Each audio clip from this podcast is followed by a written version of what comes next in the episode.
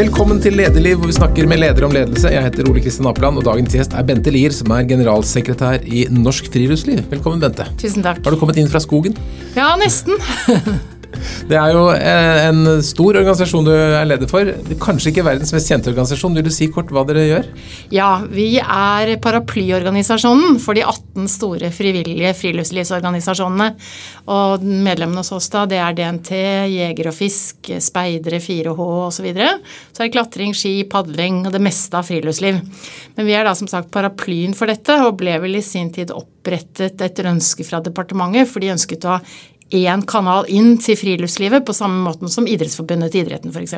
Så dere er liksom Utelivets idrettsforbund? Ja, så vi er ikke, vi er ikke aktivitetsorganisasjon. Vi eh, jobber da med rammevilkårene mm. for disse medlemsorganisasjonene. Og Hvorfor trenger de å være medlem hos dere? Hva har de igjen for det? Ja, det er som sagt rammevilkårene da, som vi, eh, vi, jobber med. Eh, det er både de økonomiske rammevilkårene, mye da koordinering av det som kommer av offentlige midler.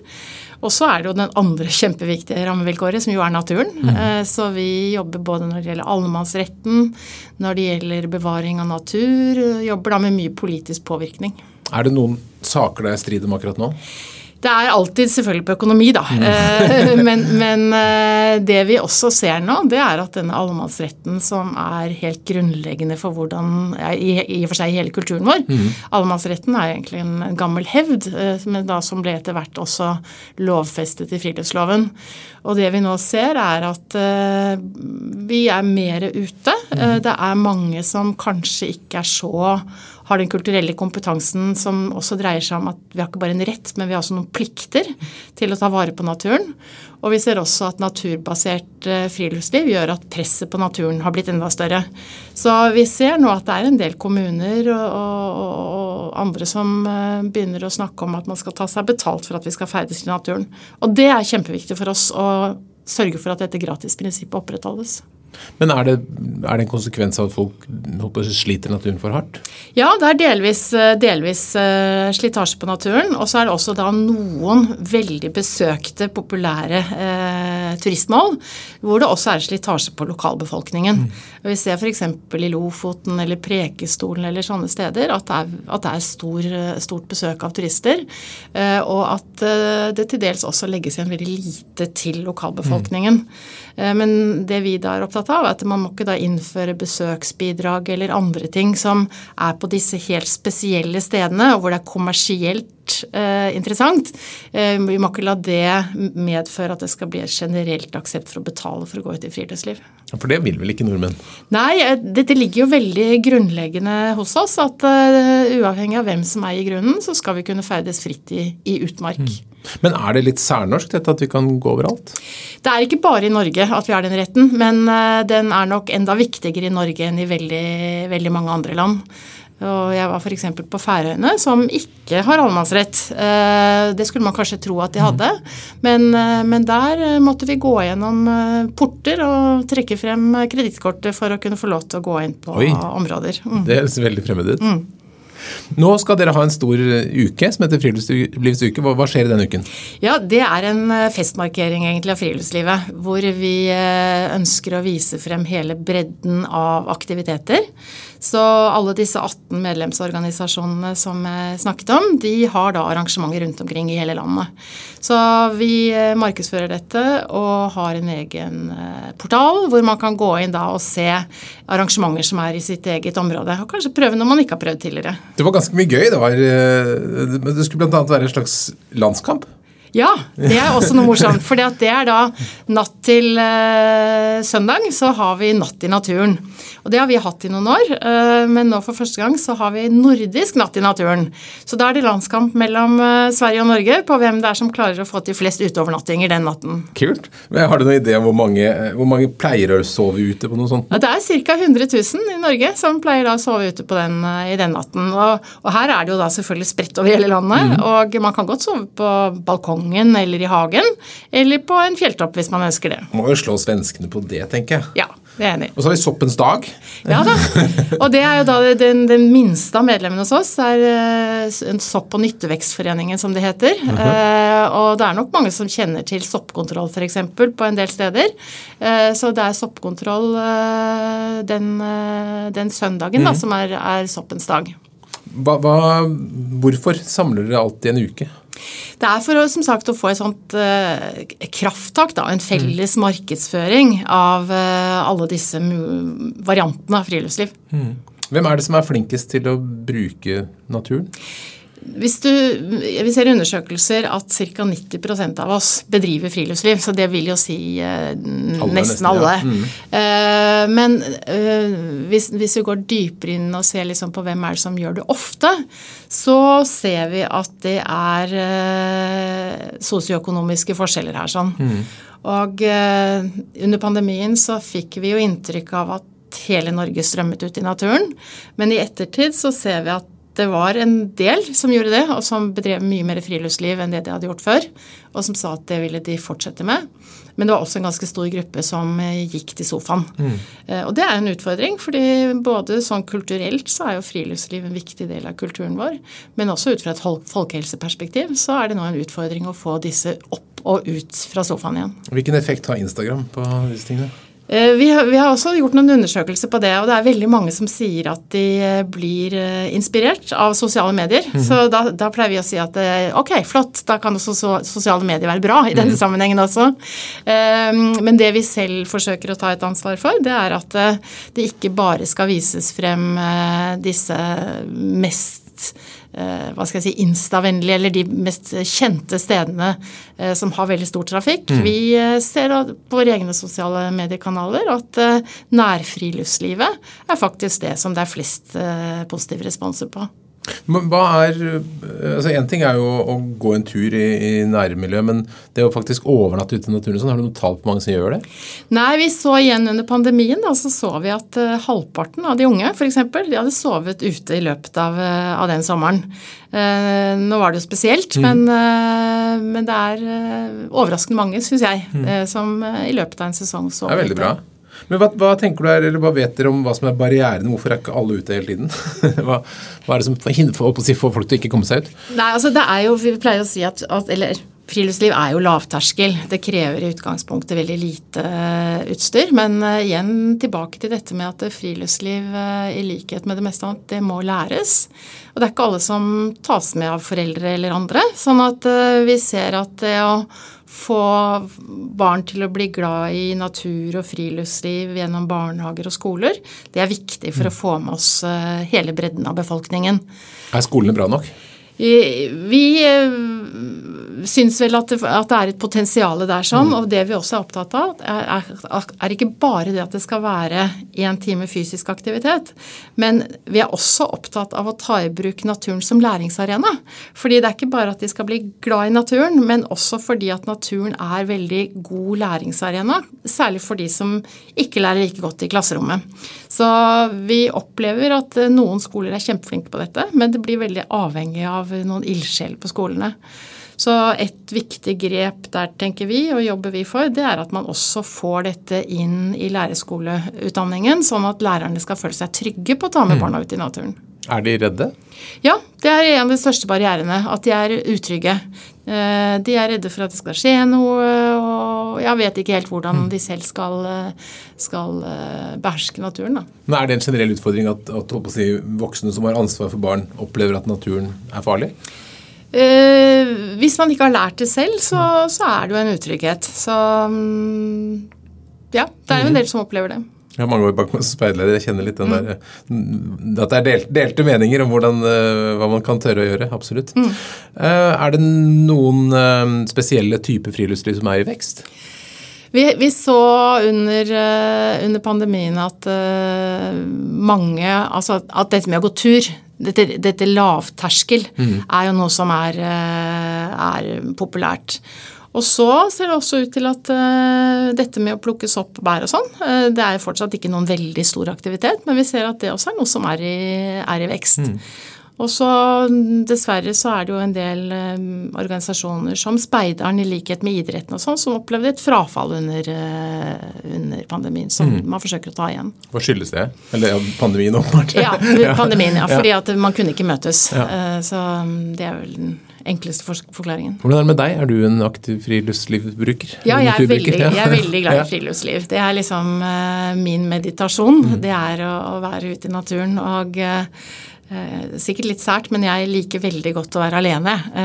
Og så syns jeg det er moro å, å, gå liksom midt inne i, i skauen, ikke stier og veier. Og da er det morsomt å ha noe å lete etter, enten det er orienteringsposter eller det er sopp eller Mm. hva det er. Eh, Du spurte om natt i naturen, og jeg skal overnatte. Jeg er jo også natt til søndag.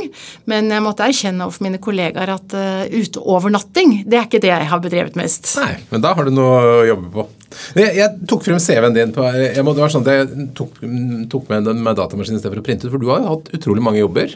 Mange kule jobber. Ja, jeg syns jeg har hatt et fantastisk eh, arbeidsliv. Ja, Nå skal jeg ikke lese opp alt, men det er, det er ganske spredt. Du har vært i eh, Dagbladet, du har vært i eh, Ipsos, du har vært i Høyre, du har vært i Eriksson og Dyno og eh, Skiforening Norge. Det har vært veldig veldig mange steder. Men mye, det er en slags dreining over fra det kommersielle til eh, organisasjonslivet, har inntrykk av? Ja, det er nok riktig. Eh, Jeg har egentlig alltid holdt på med frivillighet, organisasjonsliv, helt fra skolen og studenttiden.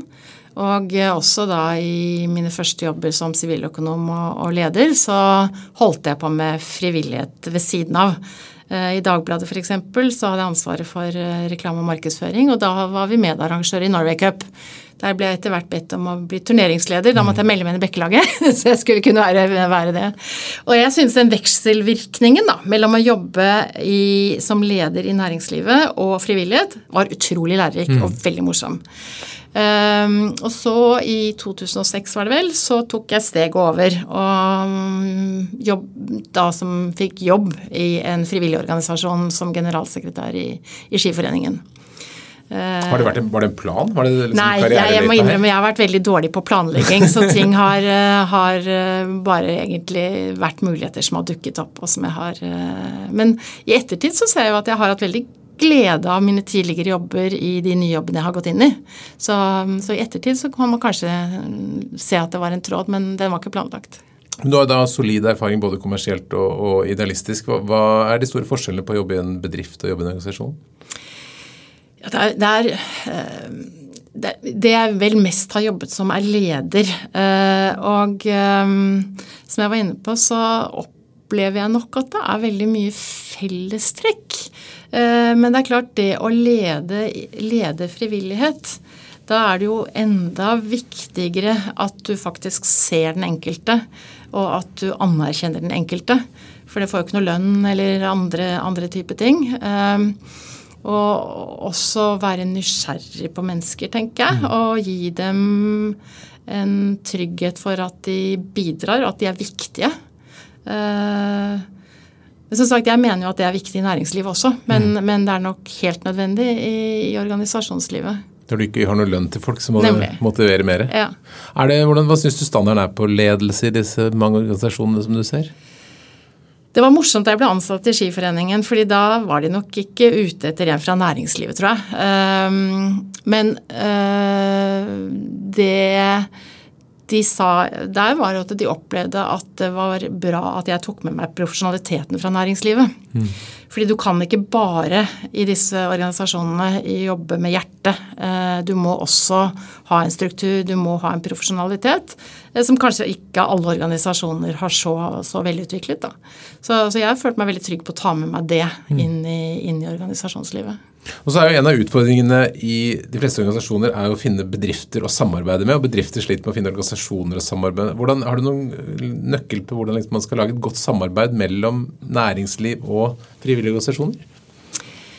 Ja, jeg tror det viktige, eller en, en, viktig bit her, og dette har også vært en sånn veldig utvikling fra, fra jeg da på, på 80-tallet jobbet med reklame og markedsføring i Dagbladet. Da, da var, hadde man liksom sponsoravtaler, man hadde reklameseil på fotballbaner osv. Og, så videre, og det var det det begrenset seg til da, når man hadde den typen samarbeid. Nå er det jo mye viktigere at man finner frem til fellesverdier mm. og ser hvilken nytte man har av hverandre. Eh, så sånn sett så så er det jo eh, at en, en bedrift kan se at en virksom, eller altså at en ideell organisasjon eller, eh, kan ha noen verdier som forsterker det bedriften er opptatt av. Mm. Um, som sagt, jeg opplever at det, har vært, det har, blitt mye mer profesjonelt nå enn å kjøpe seg en merkevaresmitte. Uh, så det er, det er et krevende, krevende, stykke arbeid å finne frem til gode mm. samarbeidsrelasjoner. Så hvis man som organisasjon ønsker å finne en bedrift å jobbe med, så må man egentlig lete etter felles verdigrunnlag? Ja, ja. Det, det, tror jeg er veldig viktig. Og, og, og, man skal jo også være klar over at uh, det er jo viktig for organisasjonen også. Mm. Fordi uh, hvis man uh, som en medlemsorganisasjon da, inngår en samarbeidsavtale, en sponsoravtale med en virksomhet som det hefter ved, noe ved, så vil jo det fort smitte over på, på egen organisasjon også. Mm. Så man skal også være litt kresen. Men Er det noe interesse i næringslivet for å sponse eller støtte friluftsliv? Ja, eh, det er det, det er det, absolutt. Eh, vi i Norsk Friluftsliv som paraply vi har ikke sponsoravtaler. Det er det medlemsorganisasjonene våre som har. Men da er det jo typisk at eh, det er veldig mange, mange bedrifter som syns at det er gode verdier i friluftslivet. Og vi jobber jo også etter hvert mye med bærekraft. Vi ønsker jo at friluftsliv skal være eh, en løsning i et bærekraftperspektiv. Og det er det jo også mange organisasjoner som ønsker å mm. understøtte. Er det noen samarbeidsavtaler eller prosjekter som du vil trekke frem som du har sett i det siste som er bra? Altså, den, den, som, eh, den som eh, kanskje er, er, veldig velkjent for friluftslivet, det er jo Quick Lunch. Mm. Som har eh, en lang tradisjon for å, for å, jobbe sammen med friluftslivet. Og både profilerer seg på det gjennom annonser, men også på sjokoladen osv. Så, mm. videre. så Så det er jo en, en veldig kjent Det er gøy. Det har jeg holdt på veldig, veldig, veldig mange år. God ja. merkevarebygging. Ja. Du har jo eh, i den eh, karrieren din det er mange jobber, så har du en god del spennende styreverv. Eh, hva gir det deg det å sitte i styret ved siden av å være leder? Ja, jeg er veldig nysgjerrig som person, da. Så, så det å liksom få et innblikk i andre typer av virksomheter eh, og andre mennesker eh, syns jeg har vært, eh, vært givende. Eh, og, og, kanskje særlig når jeg da også har hatt liksom, arbeidstiden min Eh, I næringslivet så har det vært fint å ha eh, tillitsverv og styreverv i de frivillige, og vice versa. For å ha en fot, fot begge mm, steder. Mm, mm. Men det er mange som har lyst på styreverv, men som sliter med å få det. Altså, hvordan går man frem for å få styreverv? Jeg har ikke vært noe sånn veldig målrettet uh, på det, egentlig. Uh, jeg har, tror jeg, gjennom Man snakker jo ofte om om det er vanskelig å være jente. Eh, jeg ble ferdig utdannet siviløkonom da fra Handelshøyskolen i 84. Og har jo bare egentlig alltid opplevd det som en stor fordel å være jente. Hvordan var kjønnsmiksen der da? Ja, Da var vi ca. 25 ja. Eh, jenter. Og eh, blant annet så ble jeg da Det var førstestyrevervet mitt utenom studentverv. at Da ble jeg valgt inn som første studentstyremedlem, hvis man kan si det, mm. i Siviløkonomforeningen. Og da var jeg vel eneste jente der. Og, og, det har jeg nok vært en del steder, at jeg har fått muligheter fordi man har ønsket seg kvinner. Mm. Men så når man da sitter rundt det styrebordet, så er det jo viktig ikke bare å være et alibi, men å, å levere også. Hvordan leverer man godt i et styre? Jeg tror ja, jeg, har også vært opptatt av når jeg har blitt spurt om å bli med i styrer, så jeg har alltid også spurt hva er det de ønsker, hva er forventningene til meg som styremedlem? Sånn at jeg kan selv gjøre meg en vurdering at det er den kompetanse jeg har som de trenger. Eh, og da er det å være godt forberedt eh, og kunne levere på den forventningen. Mm. Du ble jo rekruttert i, inn til den jobben du har nå etter at du hadde fylt 60 ser jo mye yngre ut, men øh, CV-en din, eller faktum er vel at du har runda 60. Eh, det er jo ikke så ofte folk blir rekruttert. Det er tungt å få jobb øh, etter 60. Hvorfor, hva tenker du selv om den barrieren? Jeg, jeg tror vel at Altså for meg var ikke jeg, var så heldig at det var ikke noe problem. Jeg, jeg, var i en situasjon hvor jeg hadde min, den daværende jobben jeg var, i SOS Barnebyer, så hadde jeg blitt bedt om å stille som kandidat som internasjonal president i SOS Barnebyer, fordi der trengte man et skifte. Og eh, da var jeg all in på å drive denne valgkampen, og sa etter hvert fra meg eh, oppgavene som generalsekretær i Norge. Og så kom pandemien, eh, og daværende president sa at da utsetter vi valget. Mm. Og da var ikke jeg interessert i å bare gå på gress i halvannet år. Og da merket jeg interesse fra flere på ting jeg skulle kunne gjøre. Jeg, for da flagget du da i nettverket ditt ja, at nå er jeg ja, ledig? Ja. ja. Mm. Så da mm, både på Facebook og på LinkedIn, og så tok kontakt med en del rekrutteringsselskaper som hadde vært i kontakt med meg på tidligere tidspunkt, så, så sa jeg at nå øh, ønsker jeg å gjøre noe annet. Mm. Um, og så er vel kanskje min bakgrunn litt spesiell. Uh, det er ikke så mange som har akkurat min bakgrunn, så det er kanskje ikke så mange andre å plukke, da, som det kan være på en del andre typer mm. jobber. Så ja. Men du, har du selv ansatt noen over 60 noen gang? Ja, det har jeg gjort. ja, Men det, er, det, er litt, det, det, sitter litt inne? Ja, det sitter inne. Uh, men eh, det er vel noen ting med når man selv liksom er i denne alderen, da, så syns man jo bare med at eh, aldri blomstret som, mm. som nå. Ehm, jeg eh, Og man ser jo annerledes på dette hvis man er 30 og skal ansette en på 60, mm. eller når man selv nærmer seg denne alderen. Jeg er litt jeg leser nå i forbindelse med at alle gruppen har gått ut nå og sagt at de over 60 skal kunne eh, få sluttpakke. Og så er det en del kommentarer på at det er leit for de over 60. Mm. Jeg er nok mer opptatt av at Det er det jo, men, mm. men, jeg er nok mer opptatt av at det er leit for bedriften. Fordi eh, vi sitter med ulik eh, kompetanse. Selv så føler jeg jo at jeg at jeg bare har blitt tryggere og tryggere i arbeidslivet. At jeg har noe å bidra med. Men så vet jeg jo veldig godt også hva jeg trenger kolleger til å gjøre, som ikke jeg har lenger. Kompetanser som ikke, ikke jeg besitter. Mm. Men det å ha en miks av alder og kjønn og kulturell bakgrunn Det er jo snakk om mangfold, men veldig, da, da, glemmer man ofte den der aldersdimensjonen. Ja, ja. Nei da, det er nok riktig eh, at, eh, at, eh, det kan være en form for diskriminering der. Hva får man i en 60-plusser? Iallfall for egen del, og jeg tror for mange andre også, er, så er det Det er en trygghet på seg selv. Jeg mm. tror um, um, Det er ikke noen redsel for å ikke slippe til andre. Uh, jeg har ikke noe behov for å liksom vise verden hvor flink jeg er. Jeg syns at det jeg eh, kan bidra med å være god på, er å få laget rundt til å bli flinke. Mm. Og det tror jeg gjelder mange som har, eh, har hatt en, en, lang jobbkarriere bak seg. Da. Og hva bør man, hvis man er 60, passe på å få hjelp til av yngre folk? Det er jo generelt, da. Å få hjelp til, hjelp til alt man ikke selv kan. så for min del så, så, er det vel noe såpass prosaisk også som selvfølgelig teknologi, teknologi mm, osv. Mm. Uh, er ikke jeg up to speed på. Um, det å forstå samfunnet rundt meg kan jeg forstå noen deler av, mens uh, andre med annen bakgrunn kan forstå andre deler av. Uh, så det å bringe oss sammen er viktig for å lykkes. Mm. Du har da vært leder veldig lenge.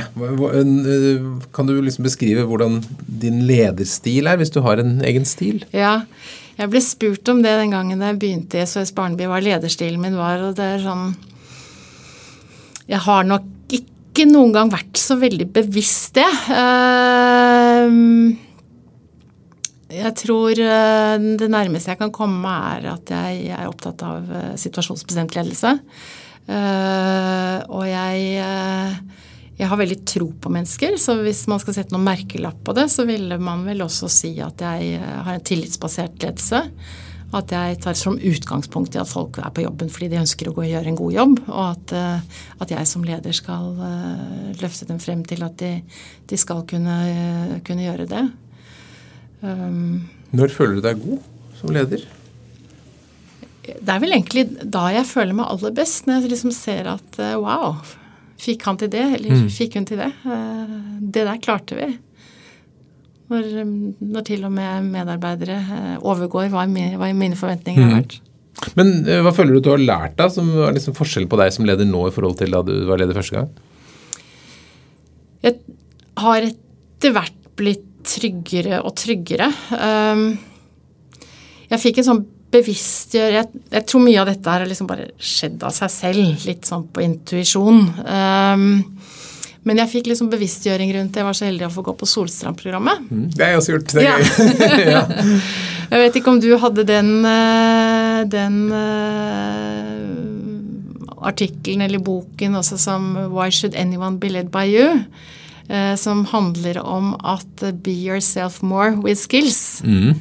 Det var vel kanskje liksom den, den, største aha-opplevelsen jeg hadde eh, på Solstrand og som leder. Og eh, den utviklet meg, opplever jeg, som leder, fordi jeg eh, har nok hele tiden vært ganske flink og levert godt eh, og sånn, men at jeg har vært litt gjerrig med å vise hele meg. Mm. Du by mer på deg selv, rett og slett? Og by mer på meg selv. Mm. Men da gjøre det med, med, med skills, da. Mm. Tørre å vise hele mennesket. Og det krever jo en trygghet. Det krever at man kjenner seg selv godt, og det krever en trygghet. Men hva gir det, da? Å gi mer av seg selv? Må dere vise seg selv mer? Jeg opplevde det veldig tydelig Eh, da jeg kom i en situasjon hvor jeg fikk uh, brystkreft, og uh, fortalte kollegaene mine om det. Og de kom etterpå og sa at de syntes det var så godt at de kunne få vise meg omsorg. Og det var vel var ikke jeg, hadde ikke jeg tenkt over, men, men, det opplevde de at kanskje var første gang hvor jeg viste en svakhet. Mm. Og det ga et mye sterkere bånd og en enda sterkere lojalitet til hverandre. Så trenger det ikke være så dramatisk. Nei, men, men, er, men, men, tenker du at du kanskje et tidlig ditt lederskap ikke ville fortalt det? eller så ville skjult mer? Nei, jeg, jeg, jeg, er helt sikker på at jeg ville fortalt det tidligere mm. også. Så mm. det har ikke vært noe sånn bevisst at jeg ikke har villet bjuda på. Mm. Men, det har ikke vært uh, en sånn hva skal jeg si, for en sånn type ting som Det, det, det måtte mm. altså Jeg hadde jo ikke noe problem med å fortelle mm. men, men, det var jo helt nødvendig å fortelle mm. også. Så, så, jeg hadde rett og slett ikke noen bevissthet på hva det gjorde med relasjoner. At man også viste seg som leder. Uh, som en som hadde behov for omsorg. Da. Men generelt gir det å ha hatt kreft eh, Gjør det deg til bedre menneske? Nei, det tror jeg ikke. Nei, Noen Nei. hevder det. Nei, det tror jeg ikke. Jeg ble spurt om, om, uh, om det Ja, om det forandret meg. Mm. Uh, om jeg ville liksom gjøre noe annet. Og jeg svarte helt ærlig på det at jeg har den mannen jeg elsker, jeg har den jobben jeg elsker og det livet jeg vil ha. Så, mm. så det endret ikke noe for meg sånn sett, og det gikk jo veldig fint med behandling òg. Mm.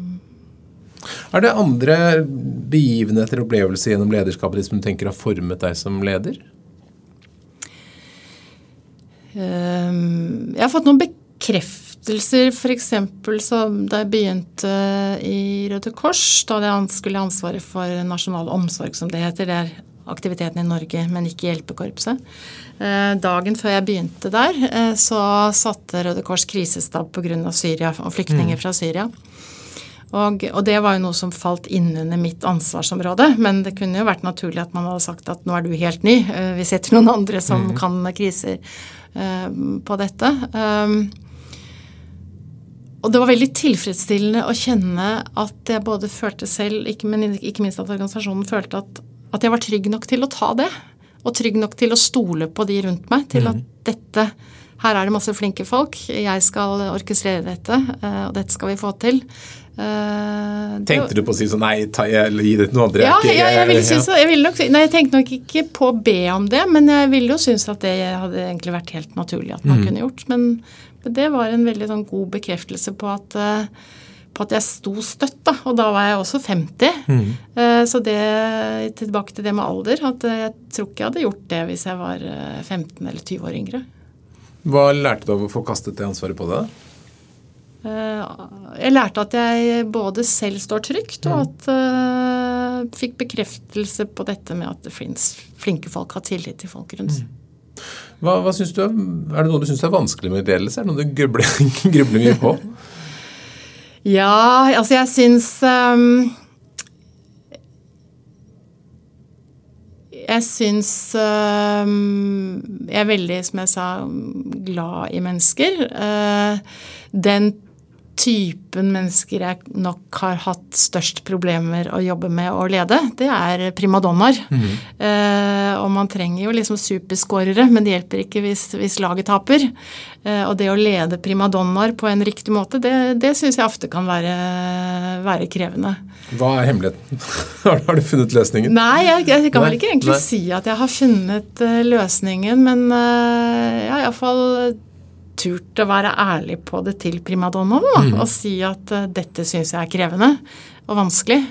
Um, vi hadde jo en danske Helle Hein som hadde forsket på det på Solstad-programmet. Hun snakket om vi må skjerme dem fra administrasjon og bare få lov å være primadonna, få lov å holde på med sine ja, greier. Ja, og det er, det, og det er riktig. Mm.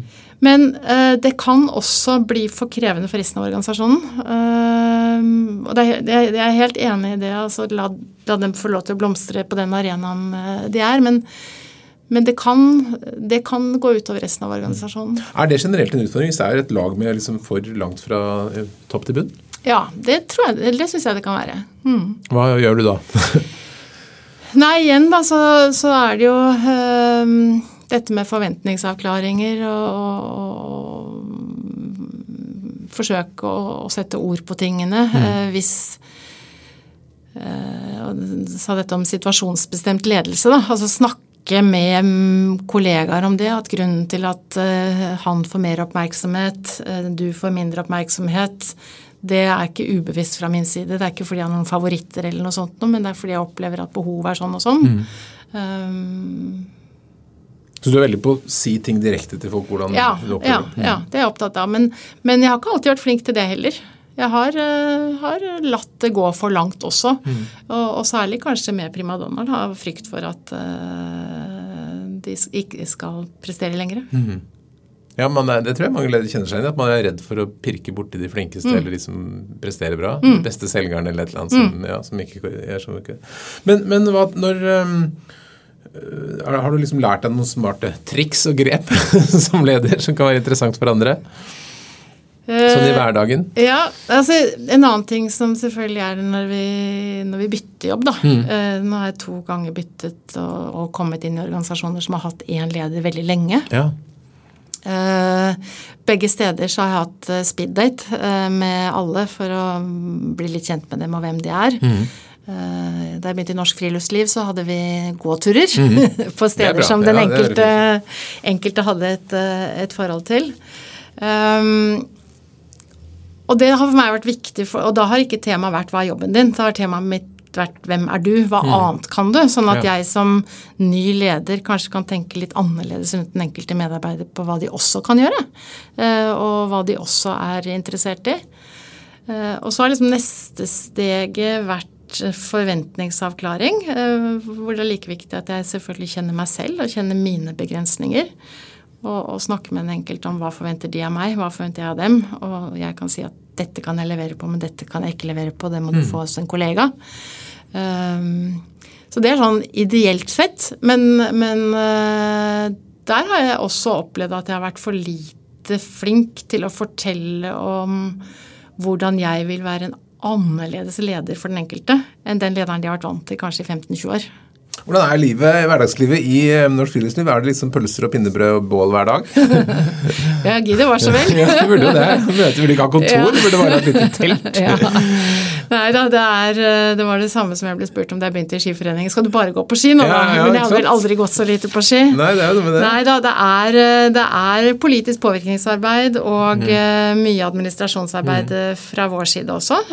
Men neste uke så skal vi ha Friluftslivets uke, da. Mm. Så da skal jeg både sove ute og være på aktiviteter. Men vi må snakke litt om det med politisk påvirkning, for du har også vært i politikken og du holdt på med liksom, opp mot politikk i veldig mange år. Hvordan jobber man for å få gjennomslag for noe fra en organisasjon f.eks.? Hva er liksom ditt råd der? Nei, Først så er det jo eh, Dette er jo eh, ditt fagfelt, da. Ja, ja. I stor grad. Men jeg forsøker jo å, å lære av det. Jeg har, eh, jeg har, stort sett jobbet sånne steder som ikke har så store budsjetter til å kjøpe tjenester, ja. så jeg har forsøkt å, at vi gjør mest mulig av dette selv. Så først så må vi jo bli veldig tydelige selv på hva vi faktisk ønsker å oppnå. Mm. Og så er det jo en kartleggingsarbeid. Hvem er det vi kan tenke oss som, eh, som allianse, alliansepartner er sånn? Hvem, vi, hvem, er det som fatter beslutningene? Og uh, forsøke da å koble hvem, hvem har de rette kontaktene uh, inn mot de vi ønsker å påvirke, og med hvilke argumenter. Mm. Så det er, det er, mye av det er jo skrivebordsarbeid. Er det, er det jo men, men det krever en del tålmodighet? Ja, det krever masse tålmodighet. Og eh, noen ganger, eller ofte, så er det jo helt ubegripelig at vi ikke får gjennomslag òg. Mm. det syns alle, ja. ja.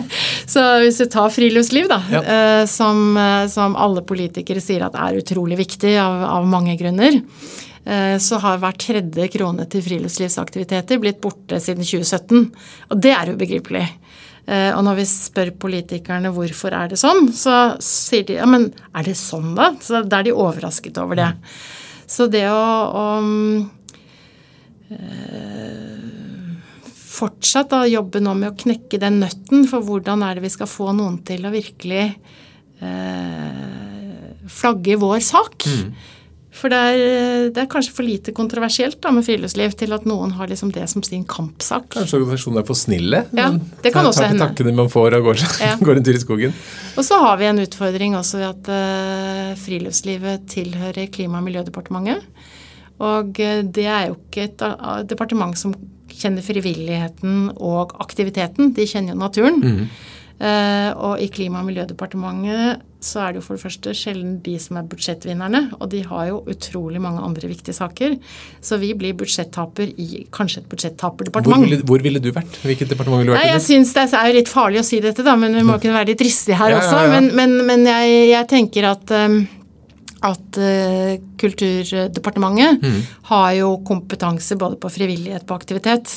Uh, så, så der uh, der vil vi nok møte på en kanskje større forståelse da, for verdien av det vi har Kunne vært helse òg, det er jo folkehelse. Dette. Ja da, og vi har fått eh, opp igjennom så har vi fått eh, mye midler også fra Helse- og omsorgsdepartementet. Men vi liker å si at uh, vi driver med friluftsliv fordi vi har glede av friluftsliv, og så er helse en konsekvens. Mm. Uh, men, men, uh, men, Helse- og omsorgsdepartementet både har gitt og, og gir også av og til midler til friluftsliv.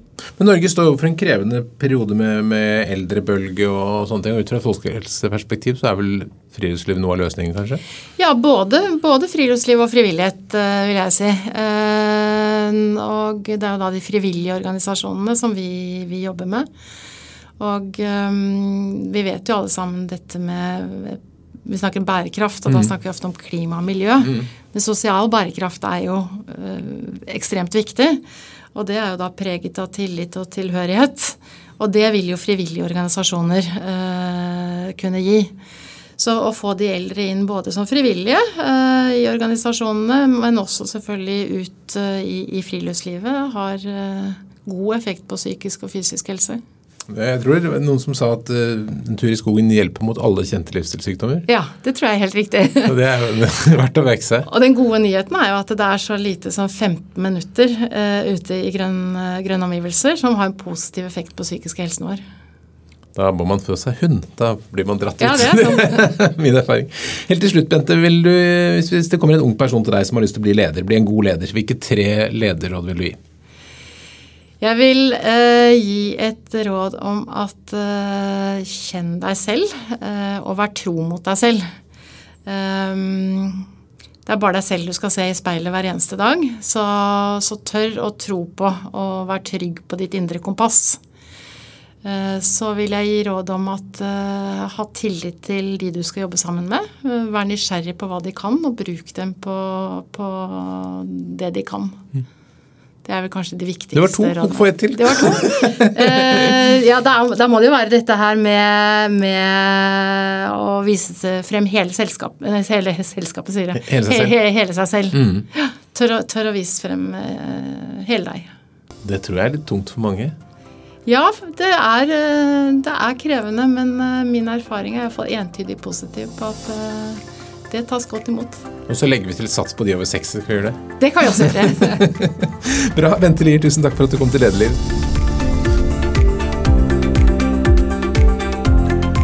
Lederliv er en podkast fra kommunikasjonsbyrået Apeland. Vi legger ut nye episoder hver eneste fredag. Redaksjonen består av Ingrid Hogneland, Lars Volden, Lars Jarli Melum og meg, som heter Ole Kristian Apeland. Tusen takk for hyggelige tilbakemeldinger og tips om ledere. Bare fortsett å sende til oleatapeland.no.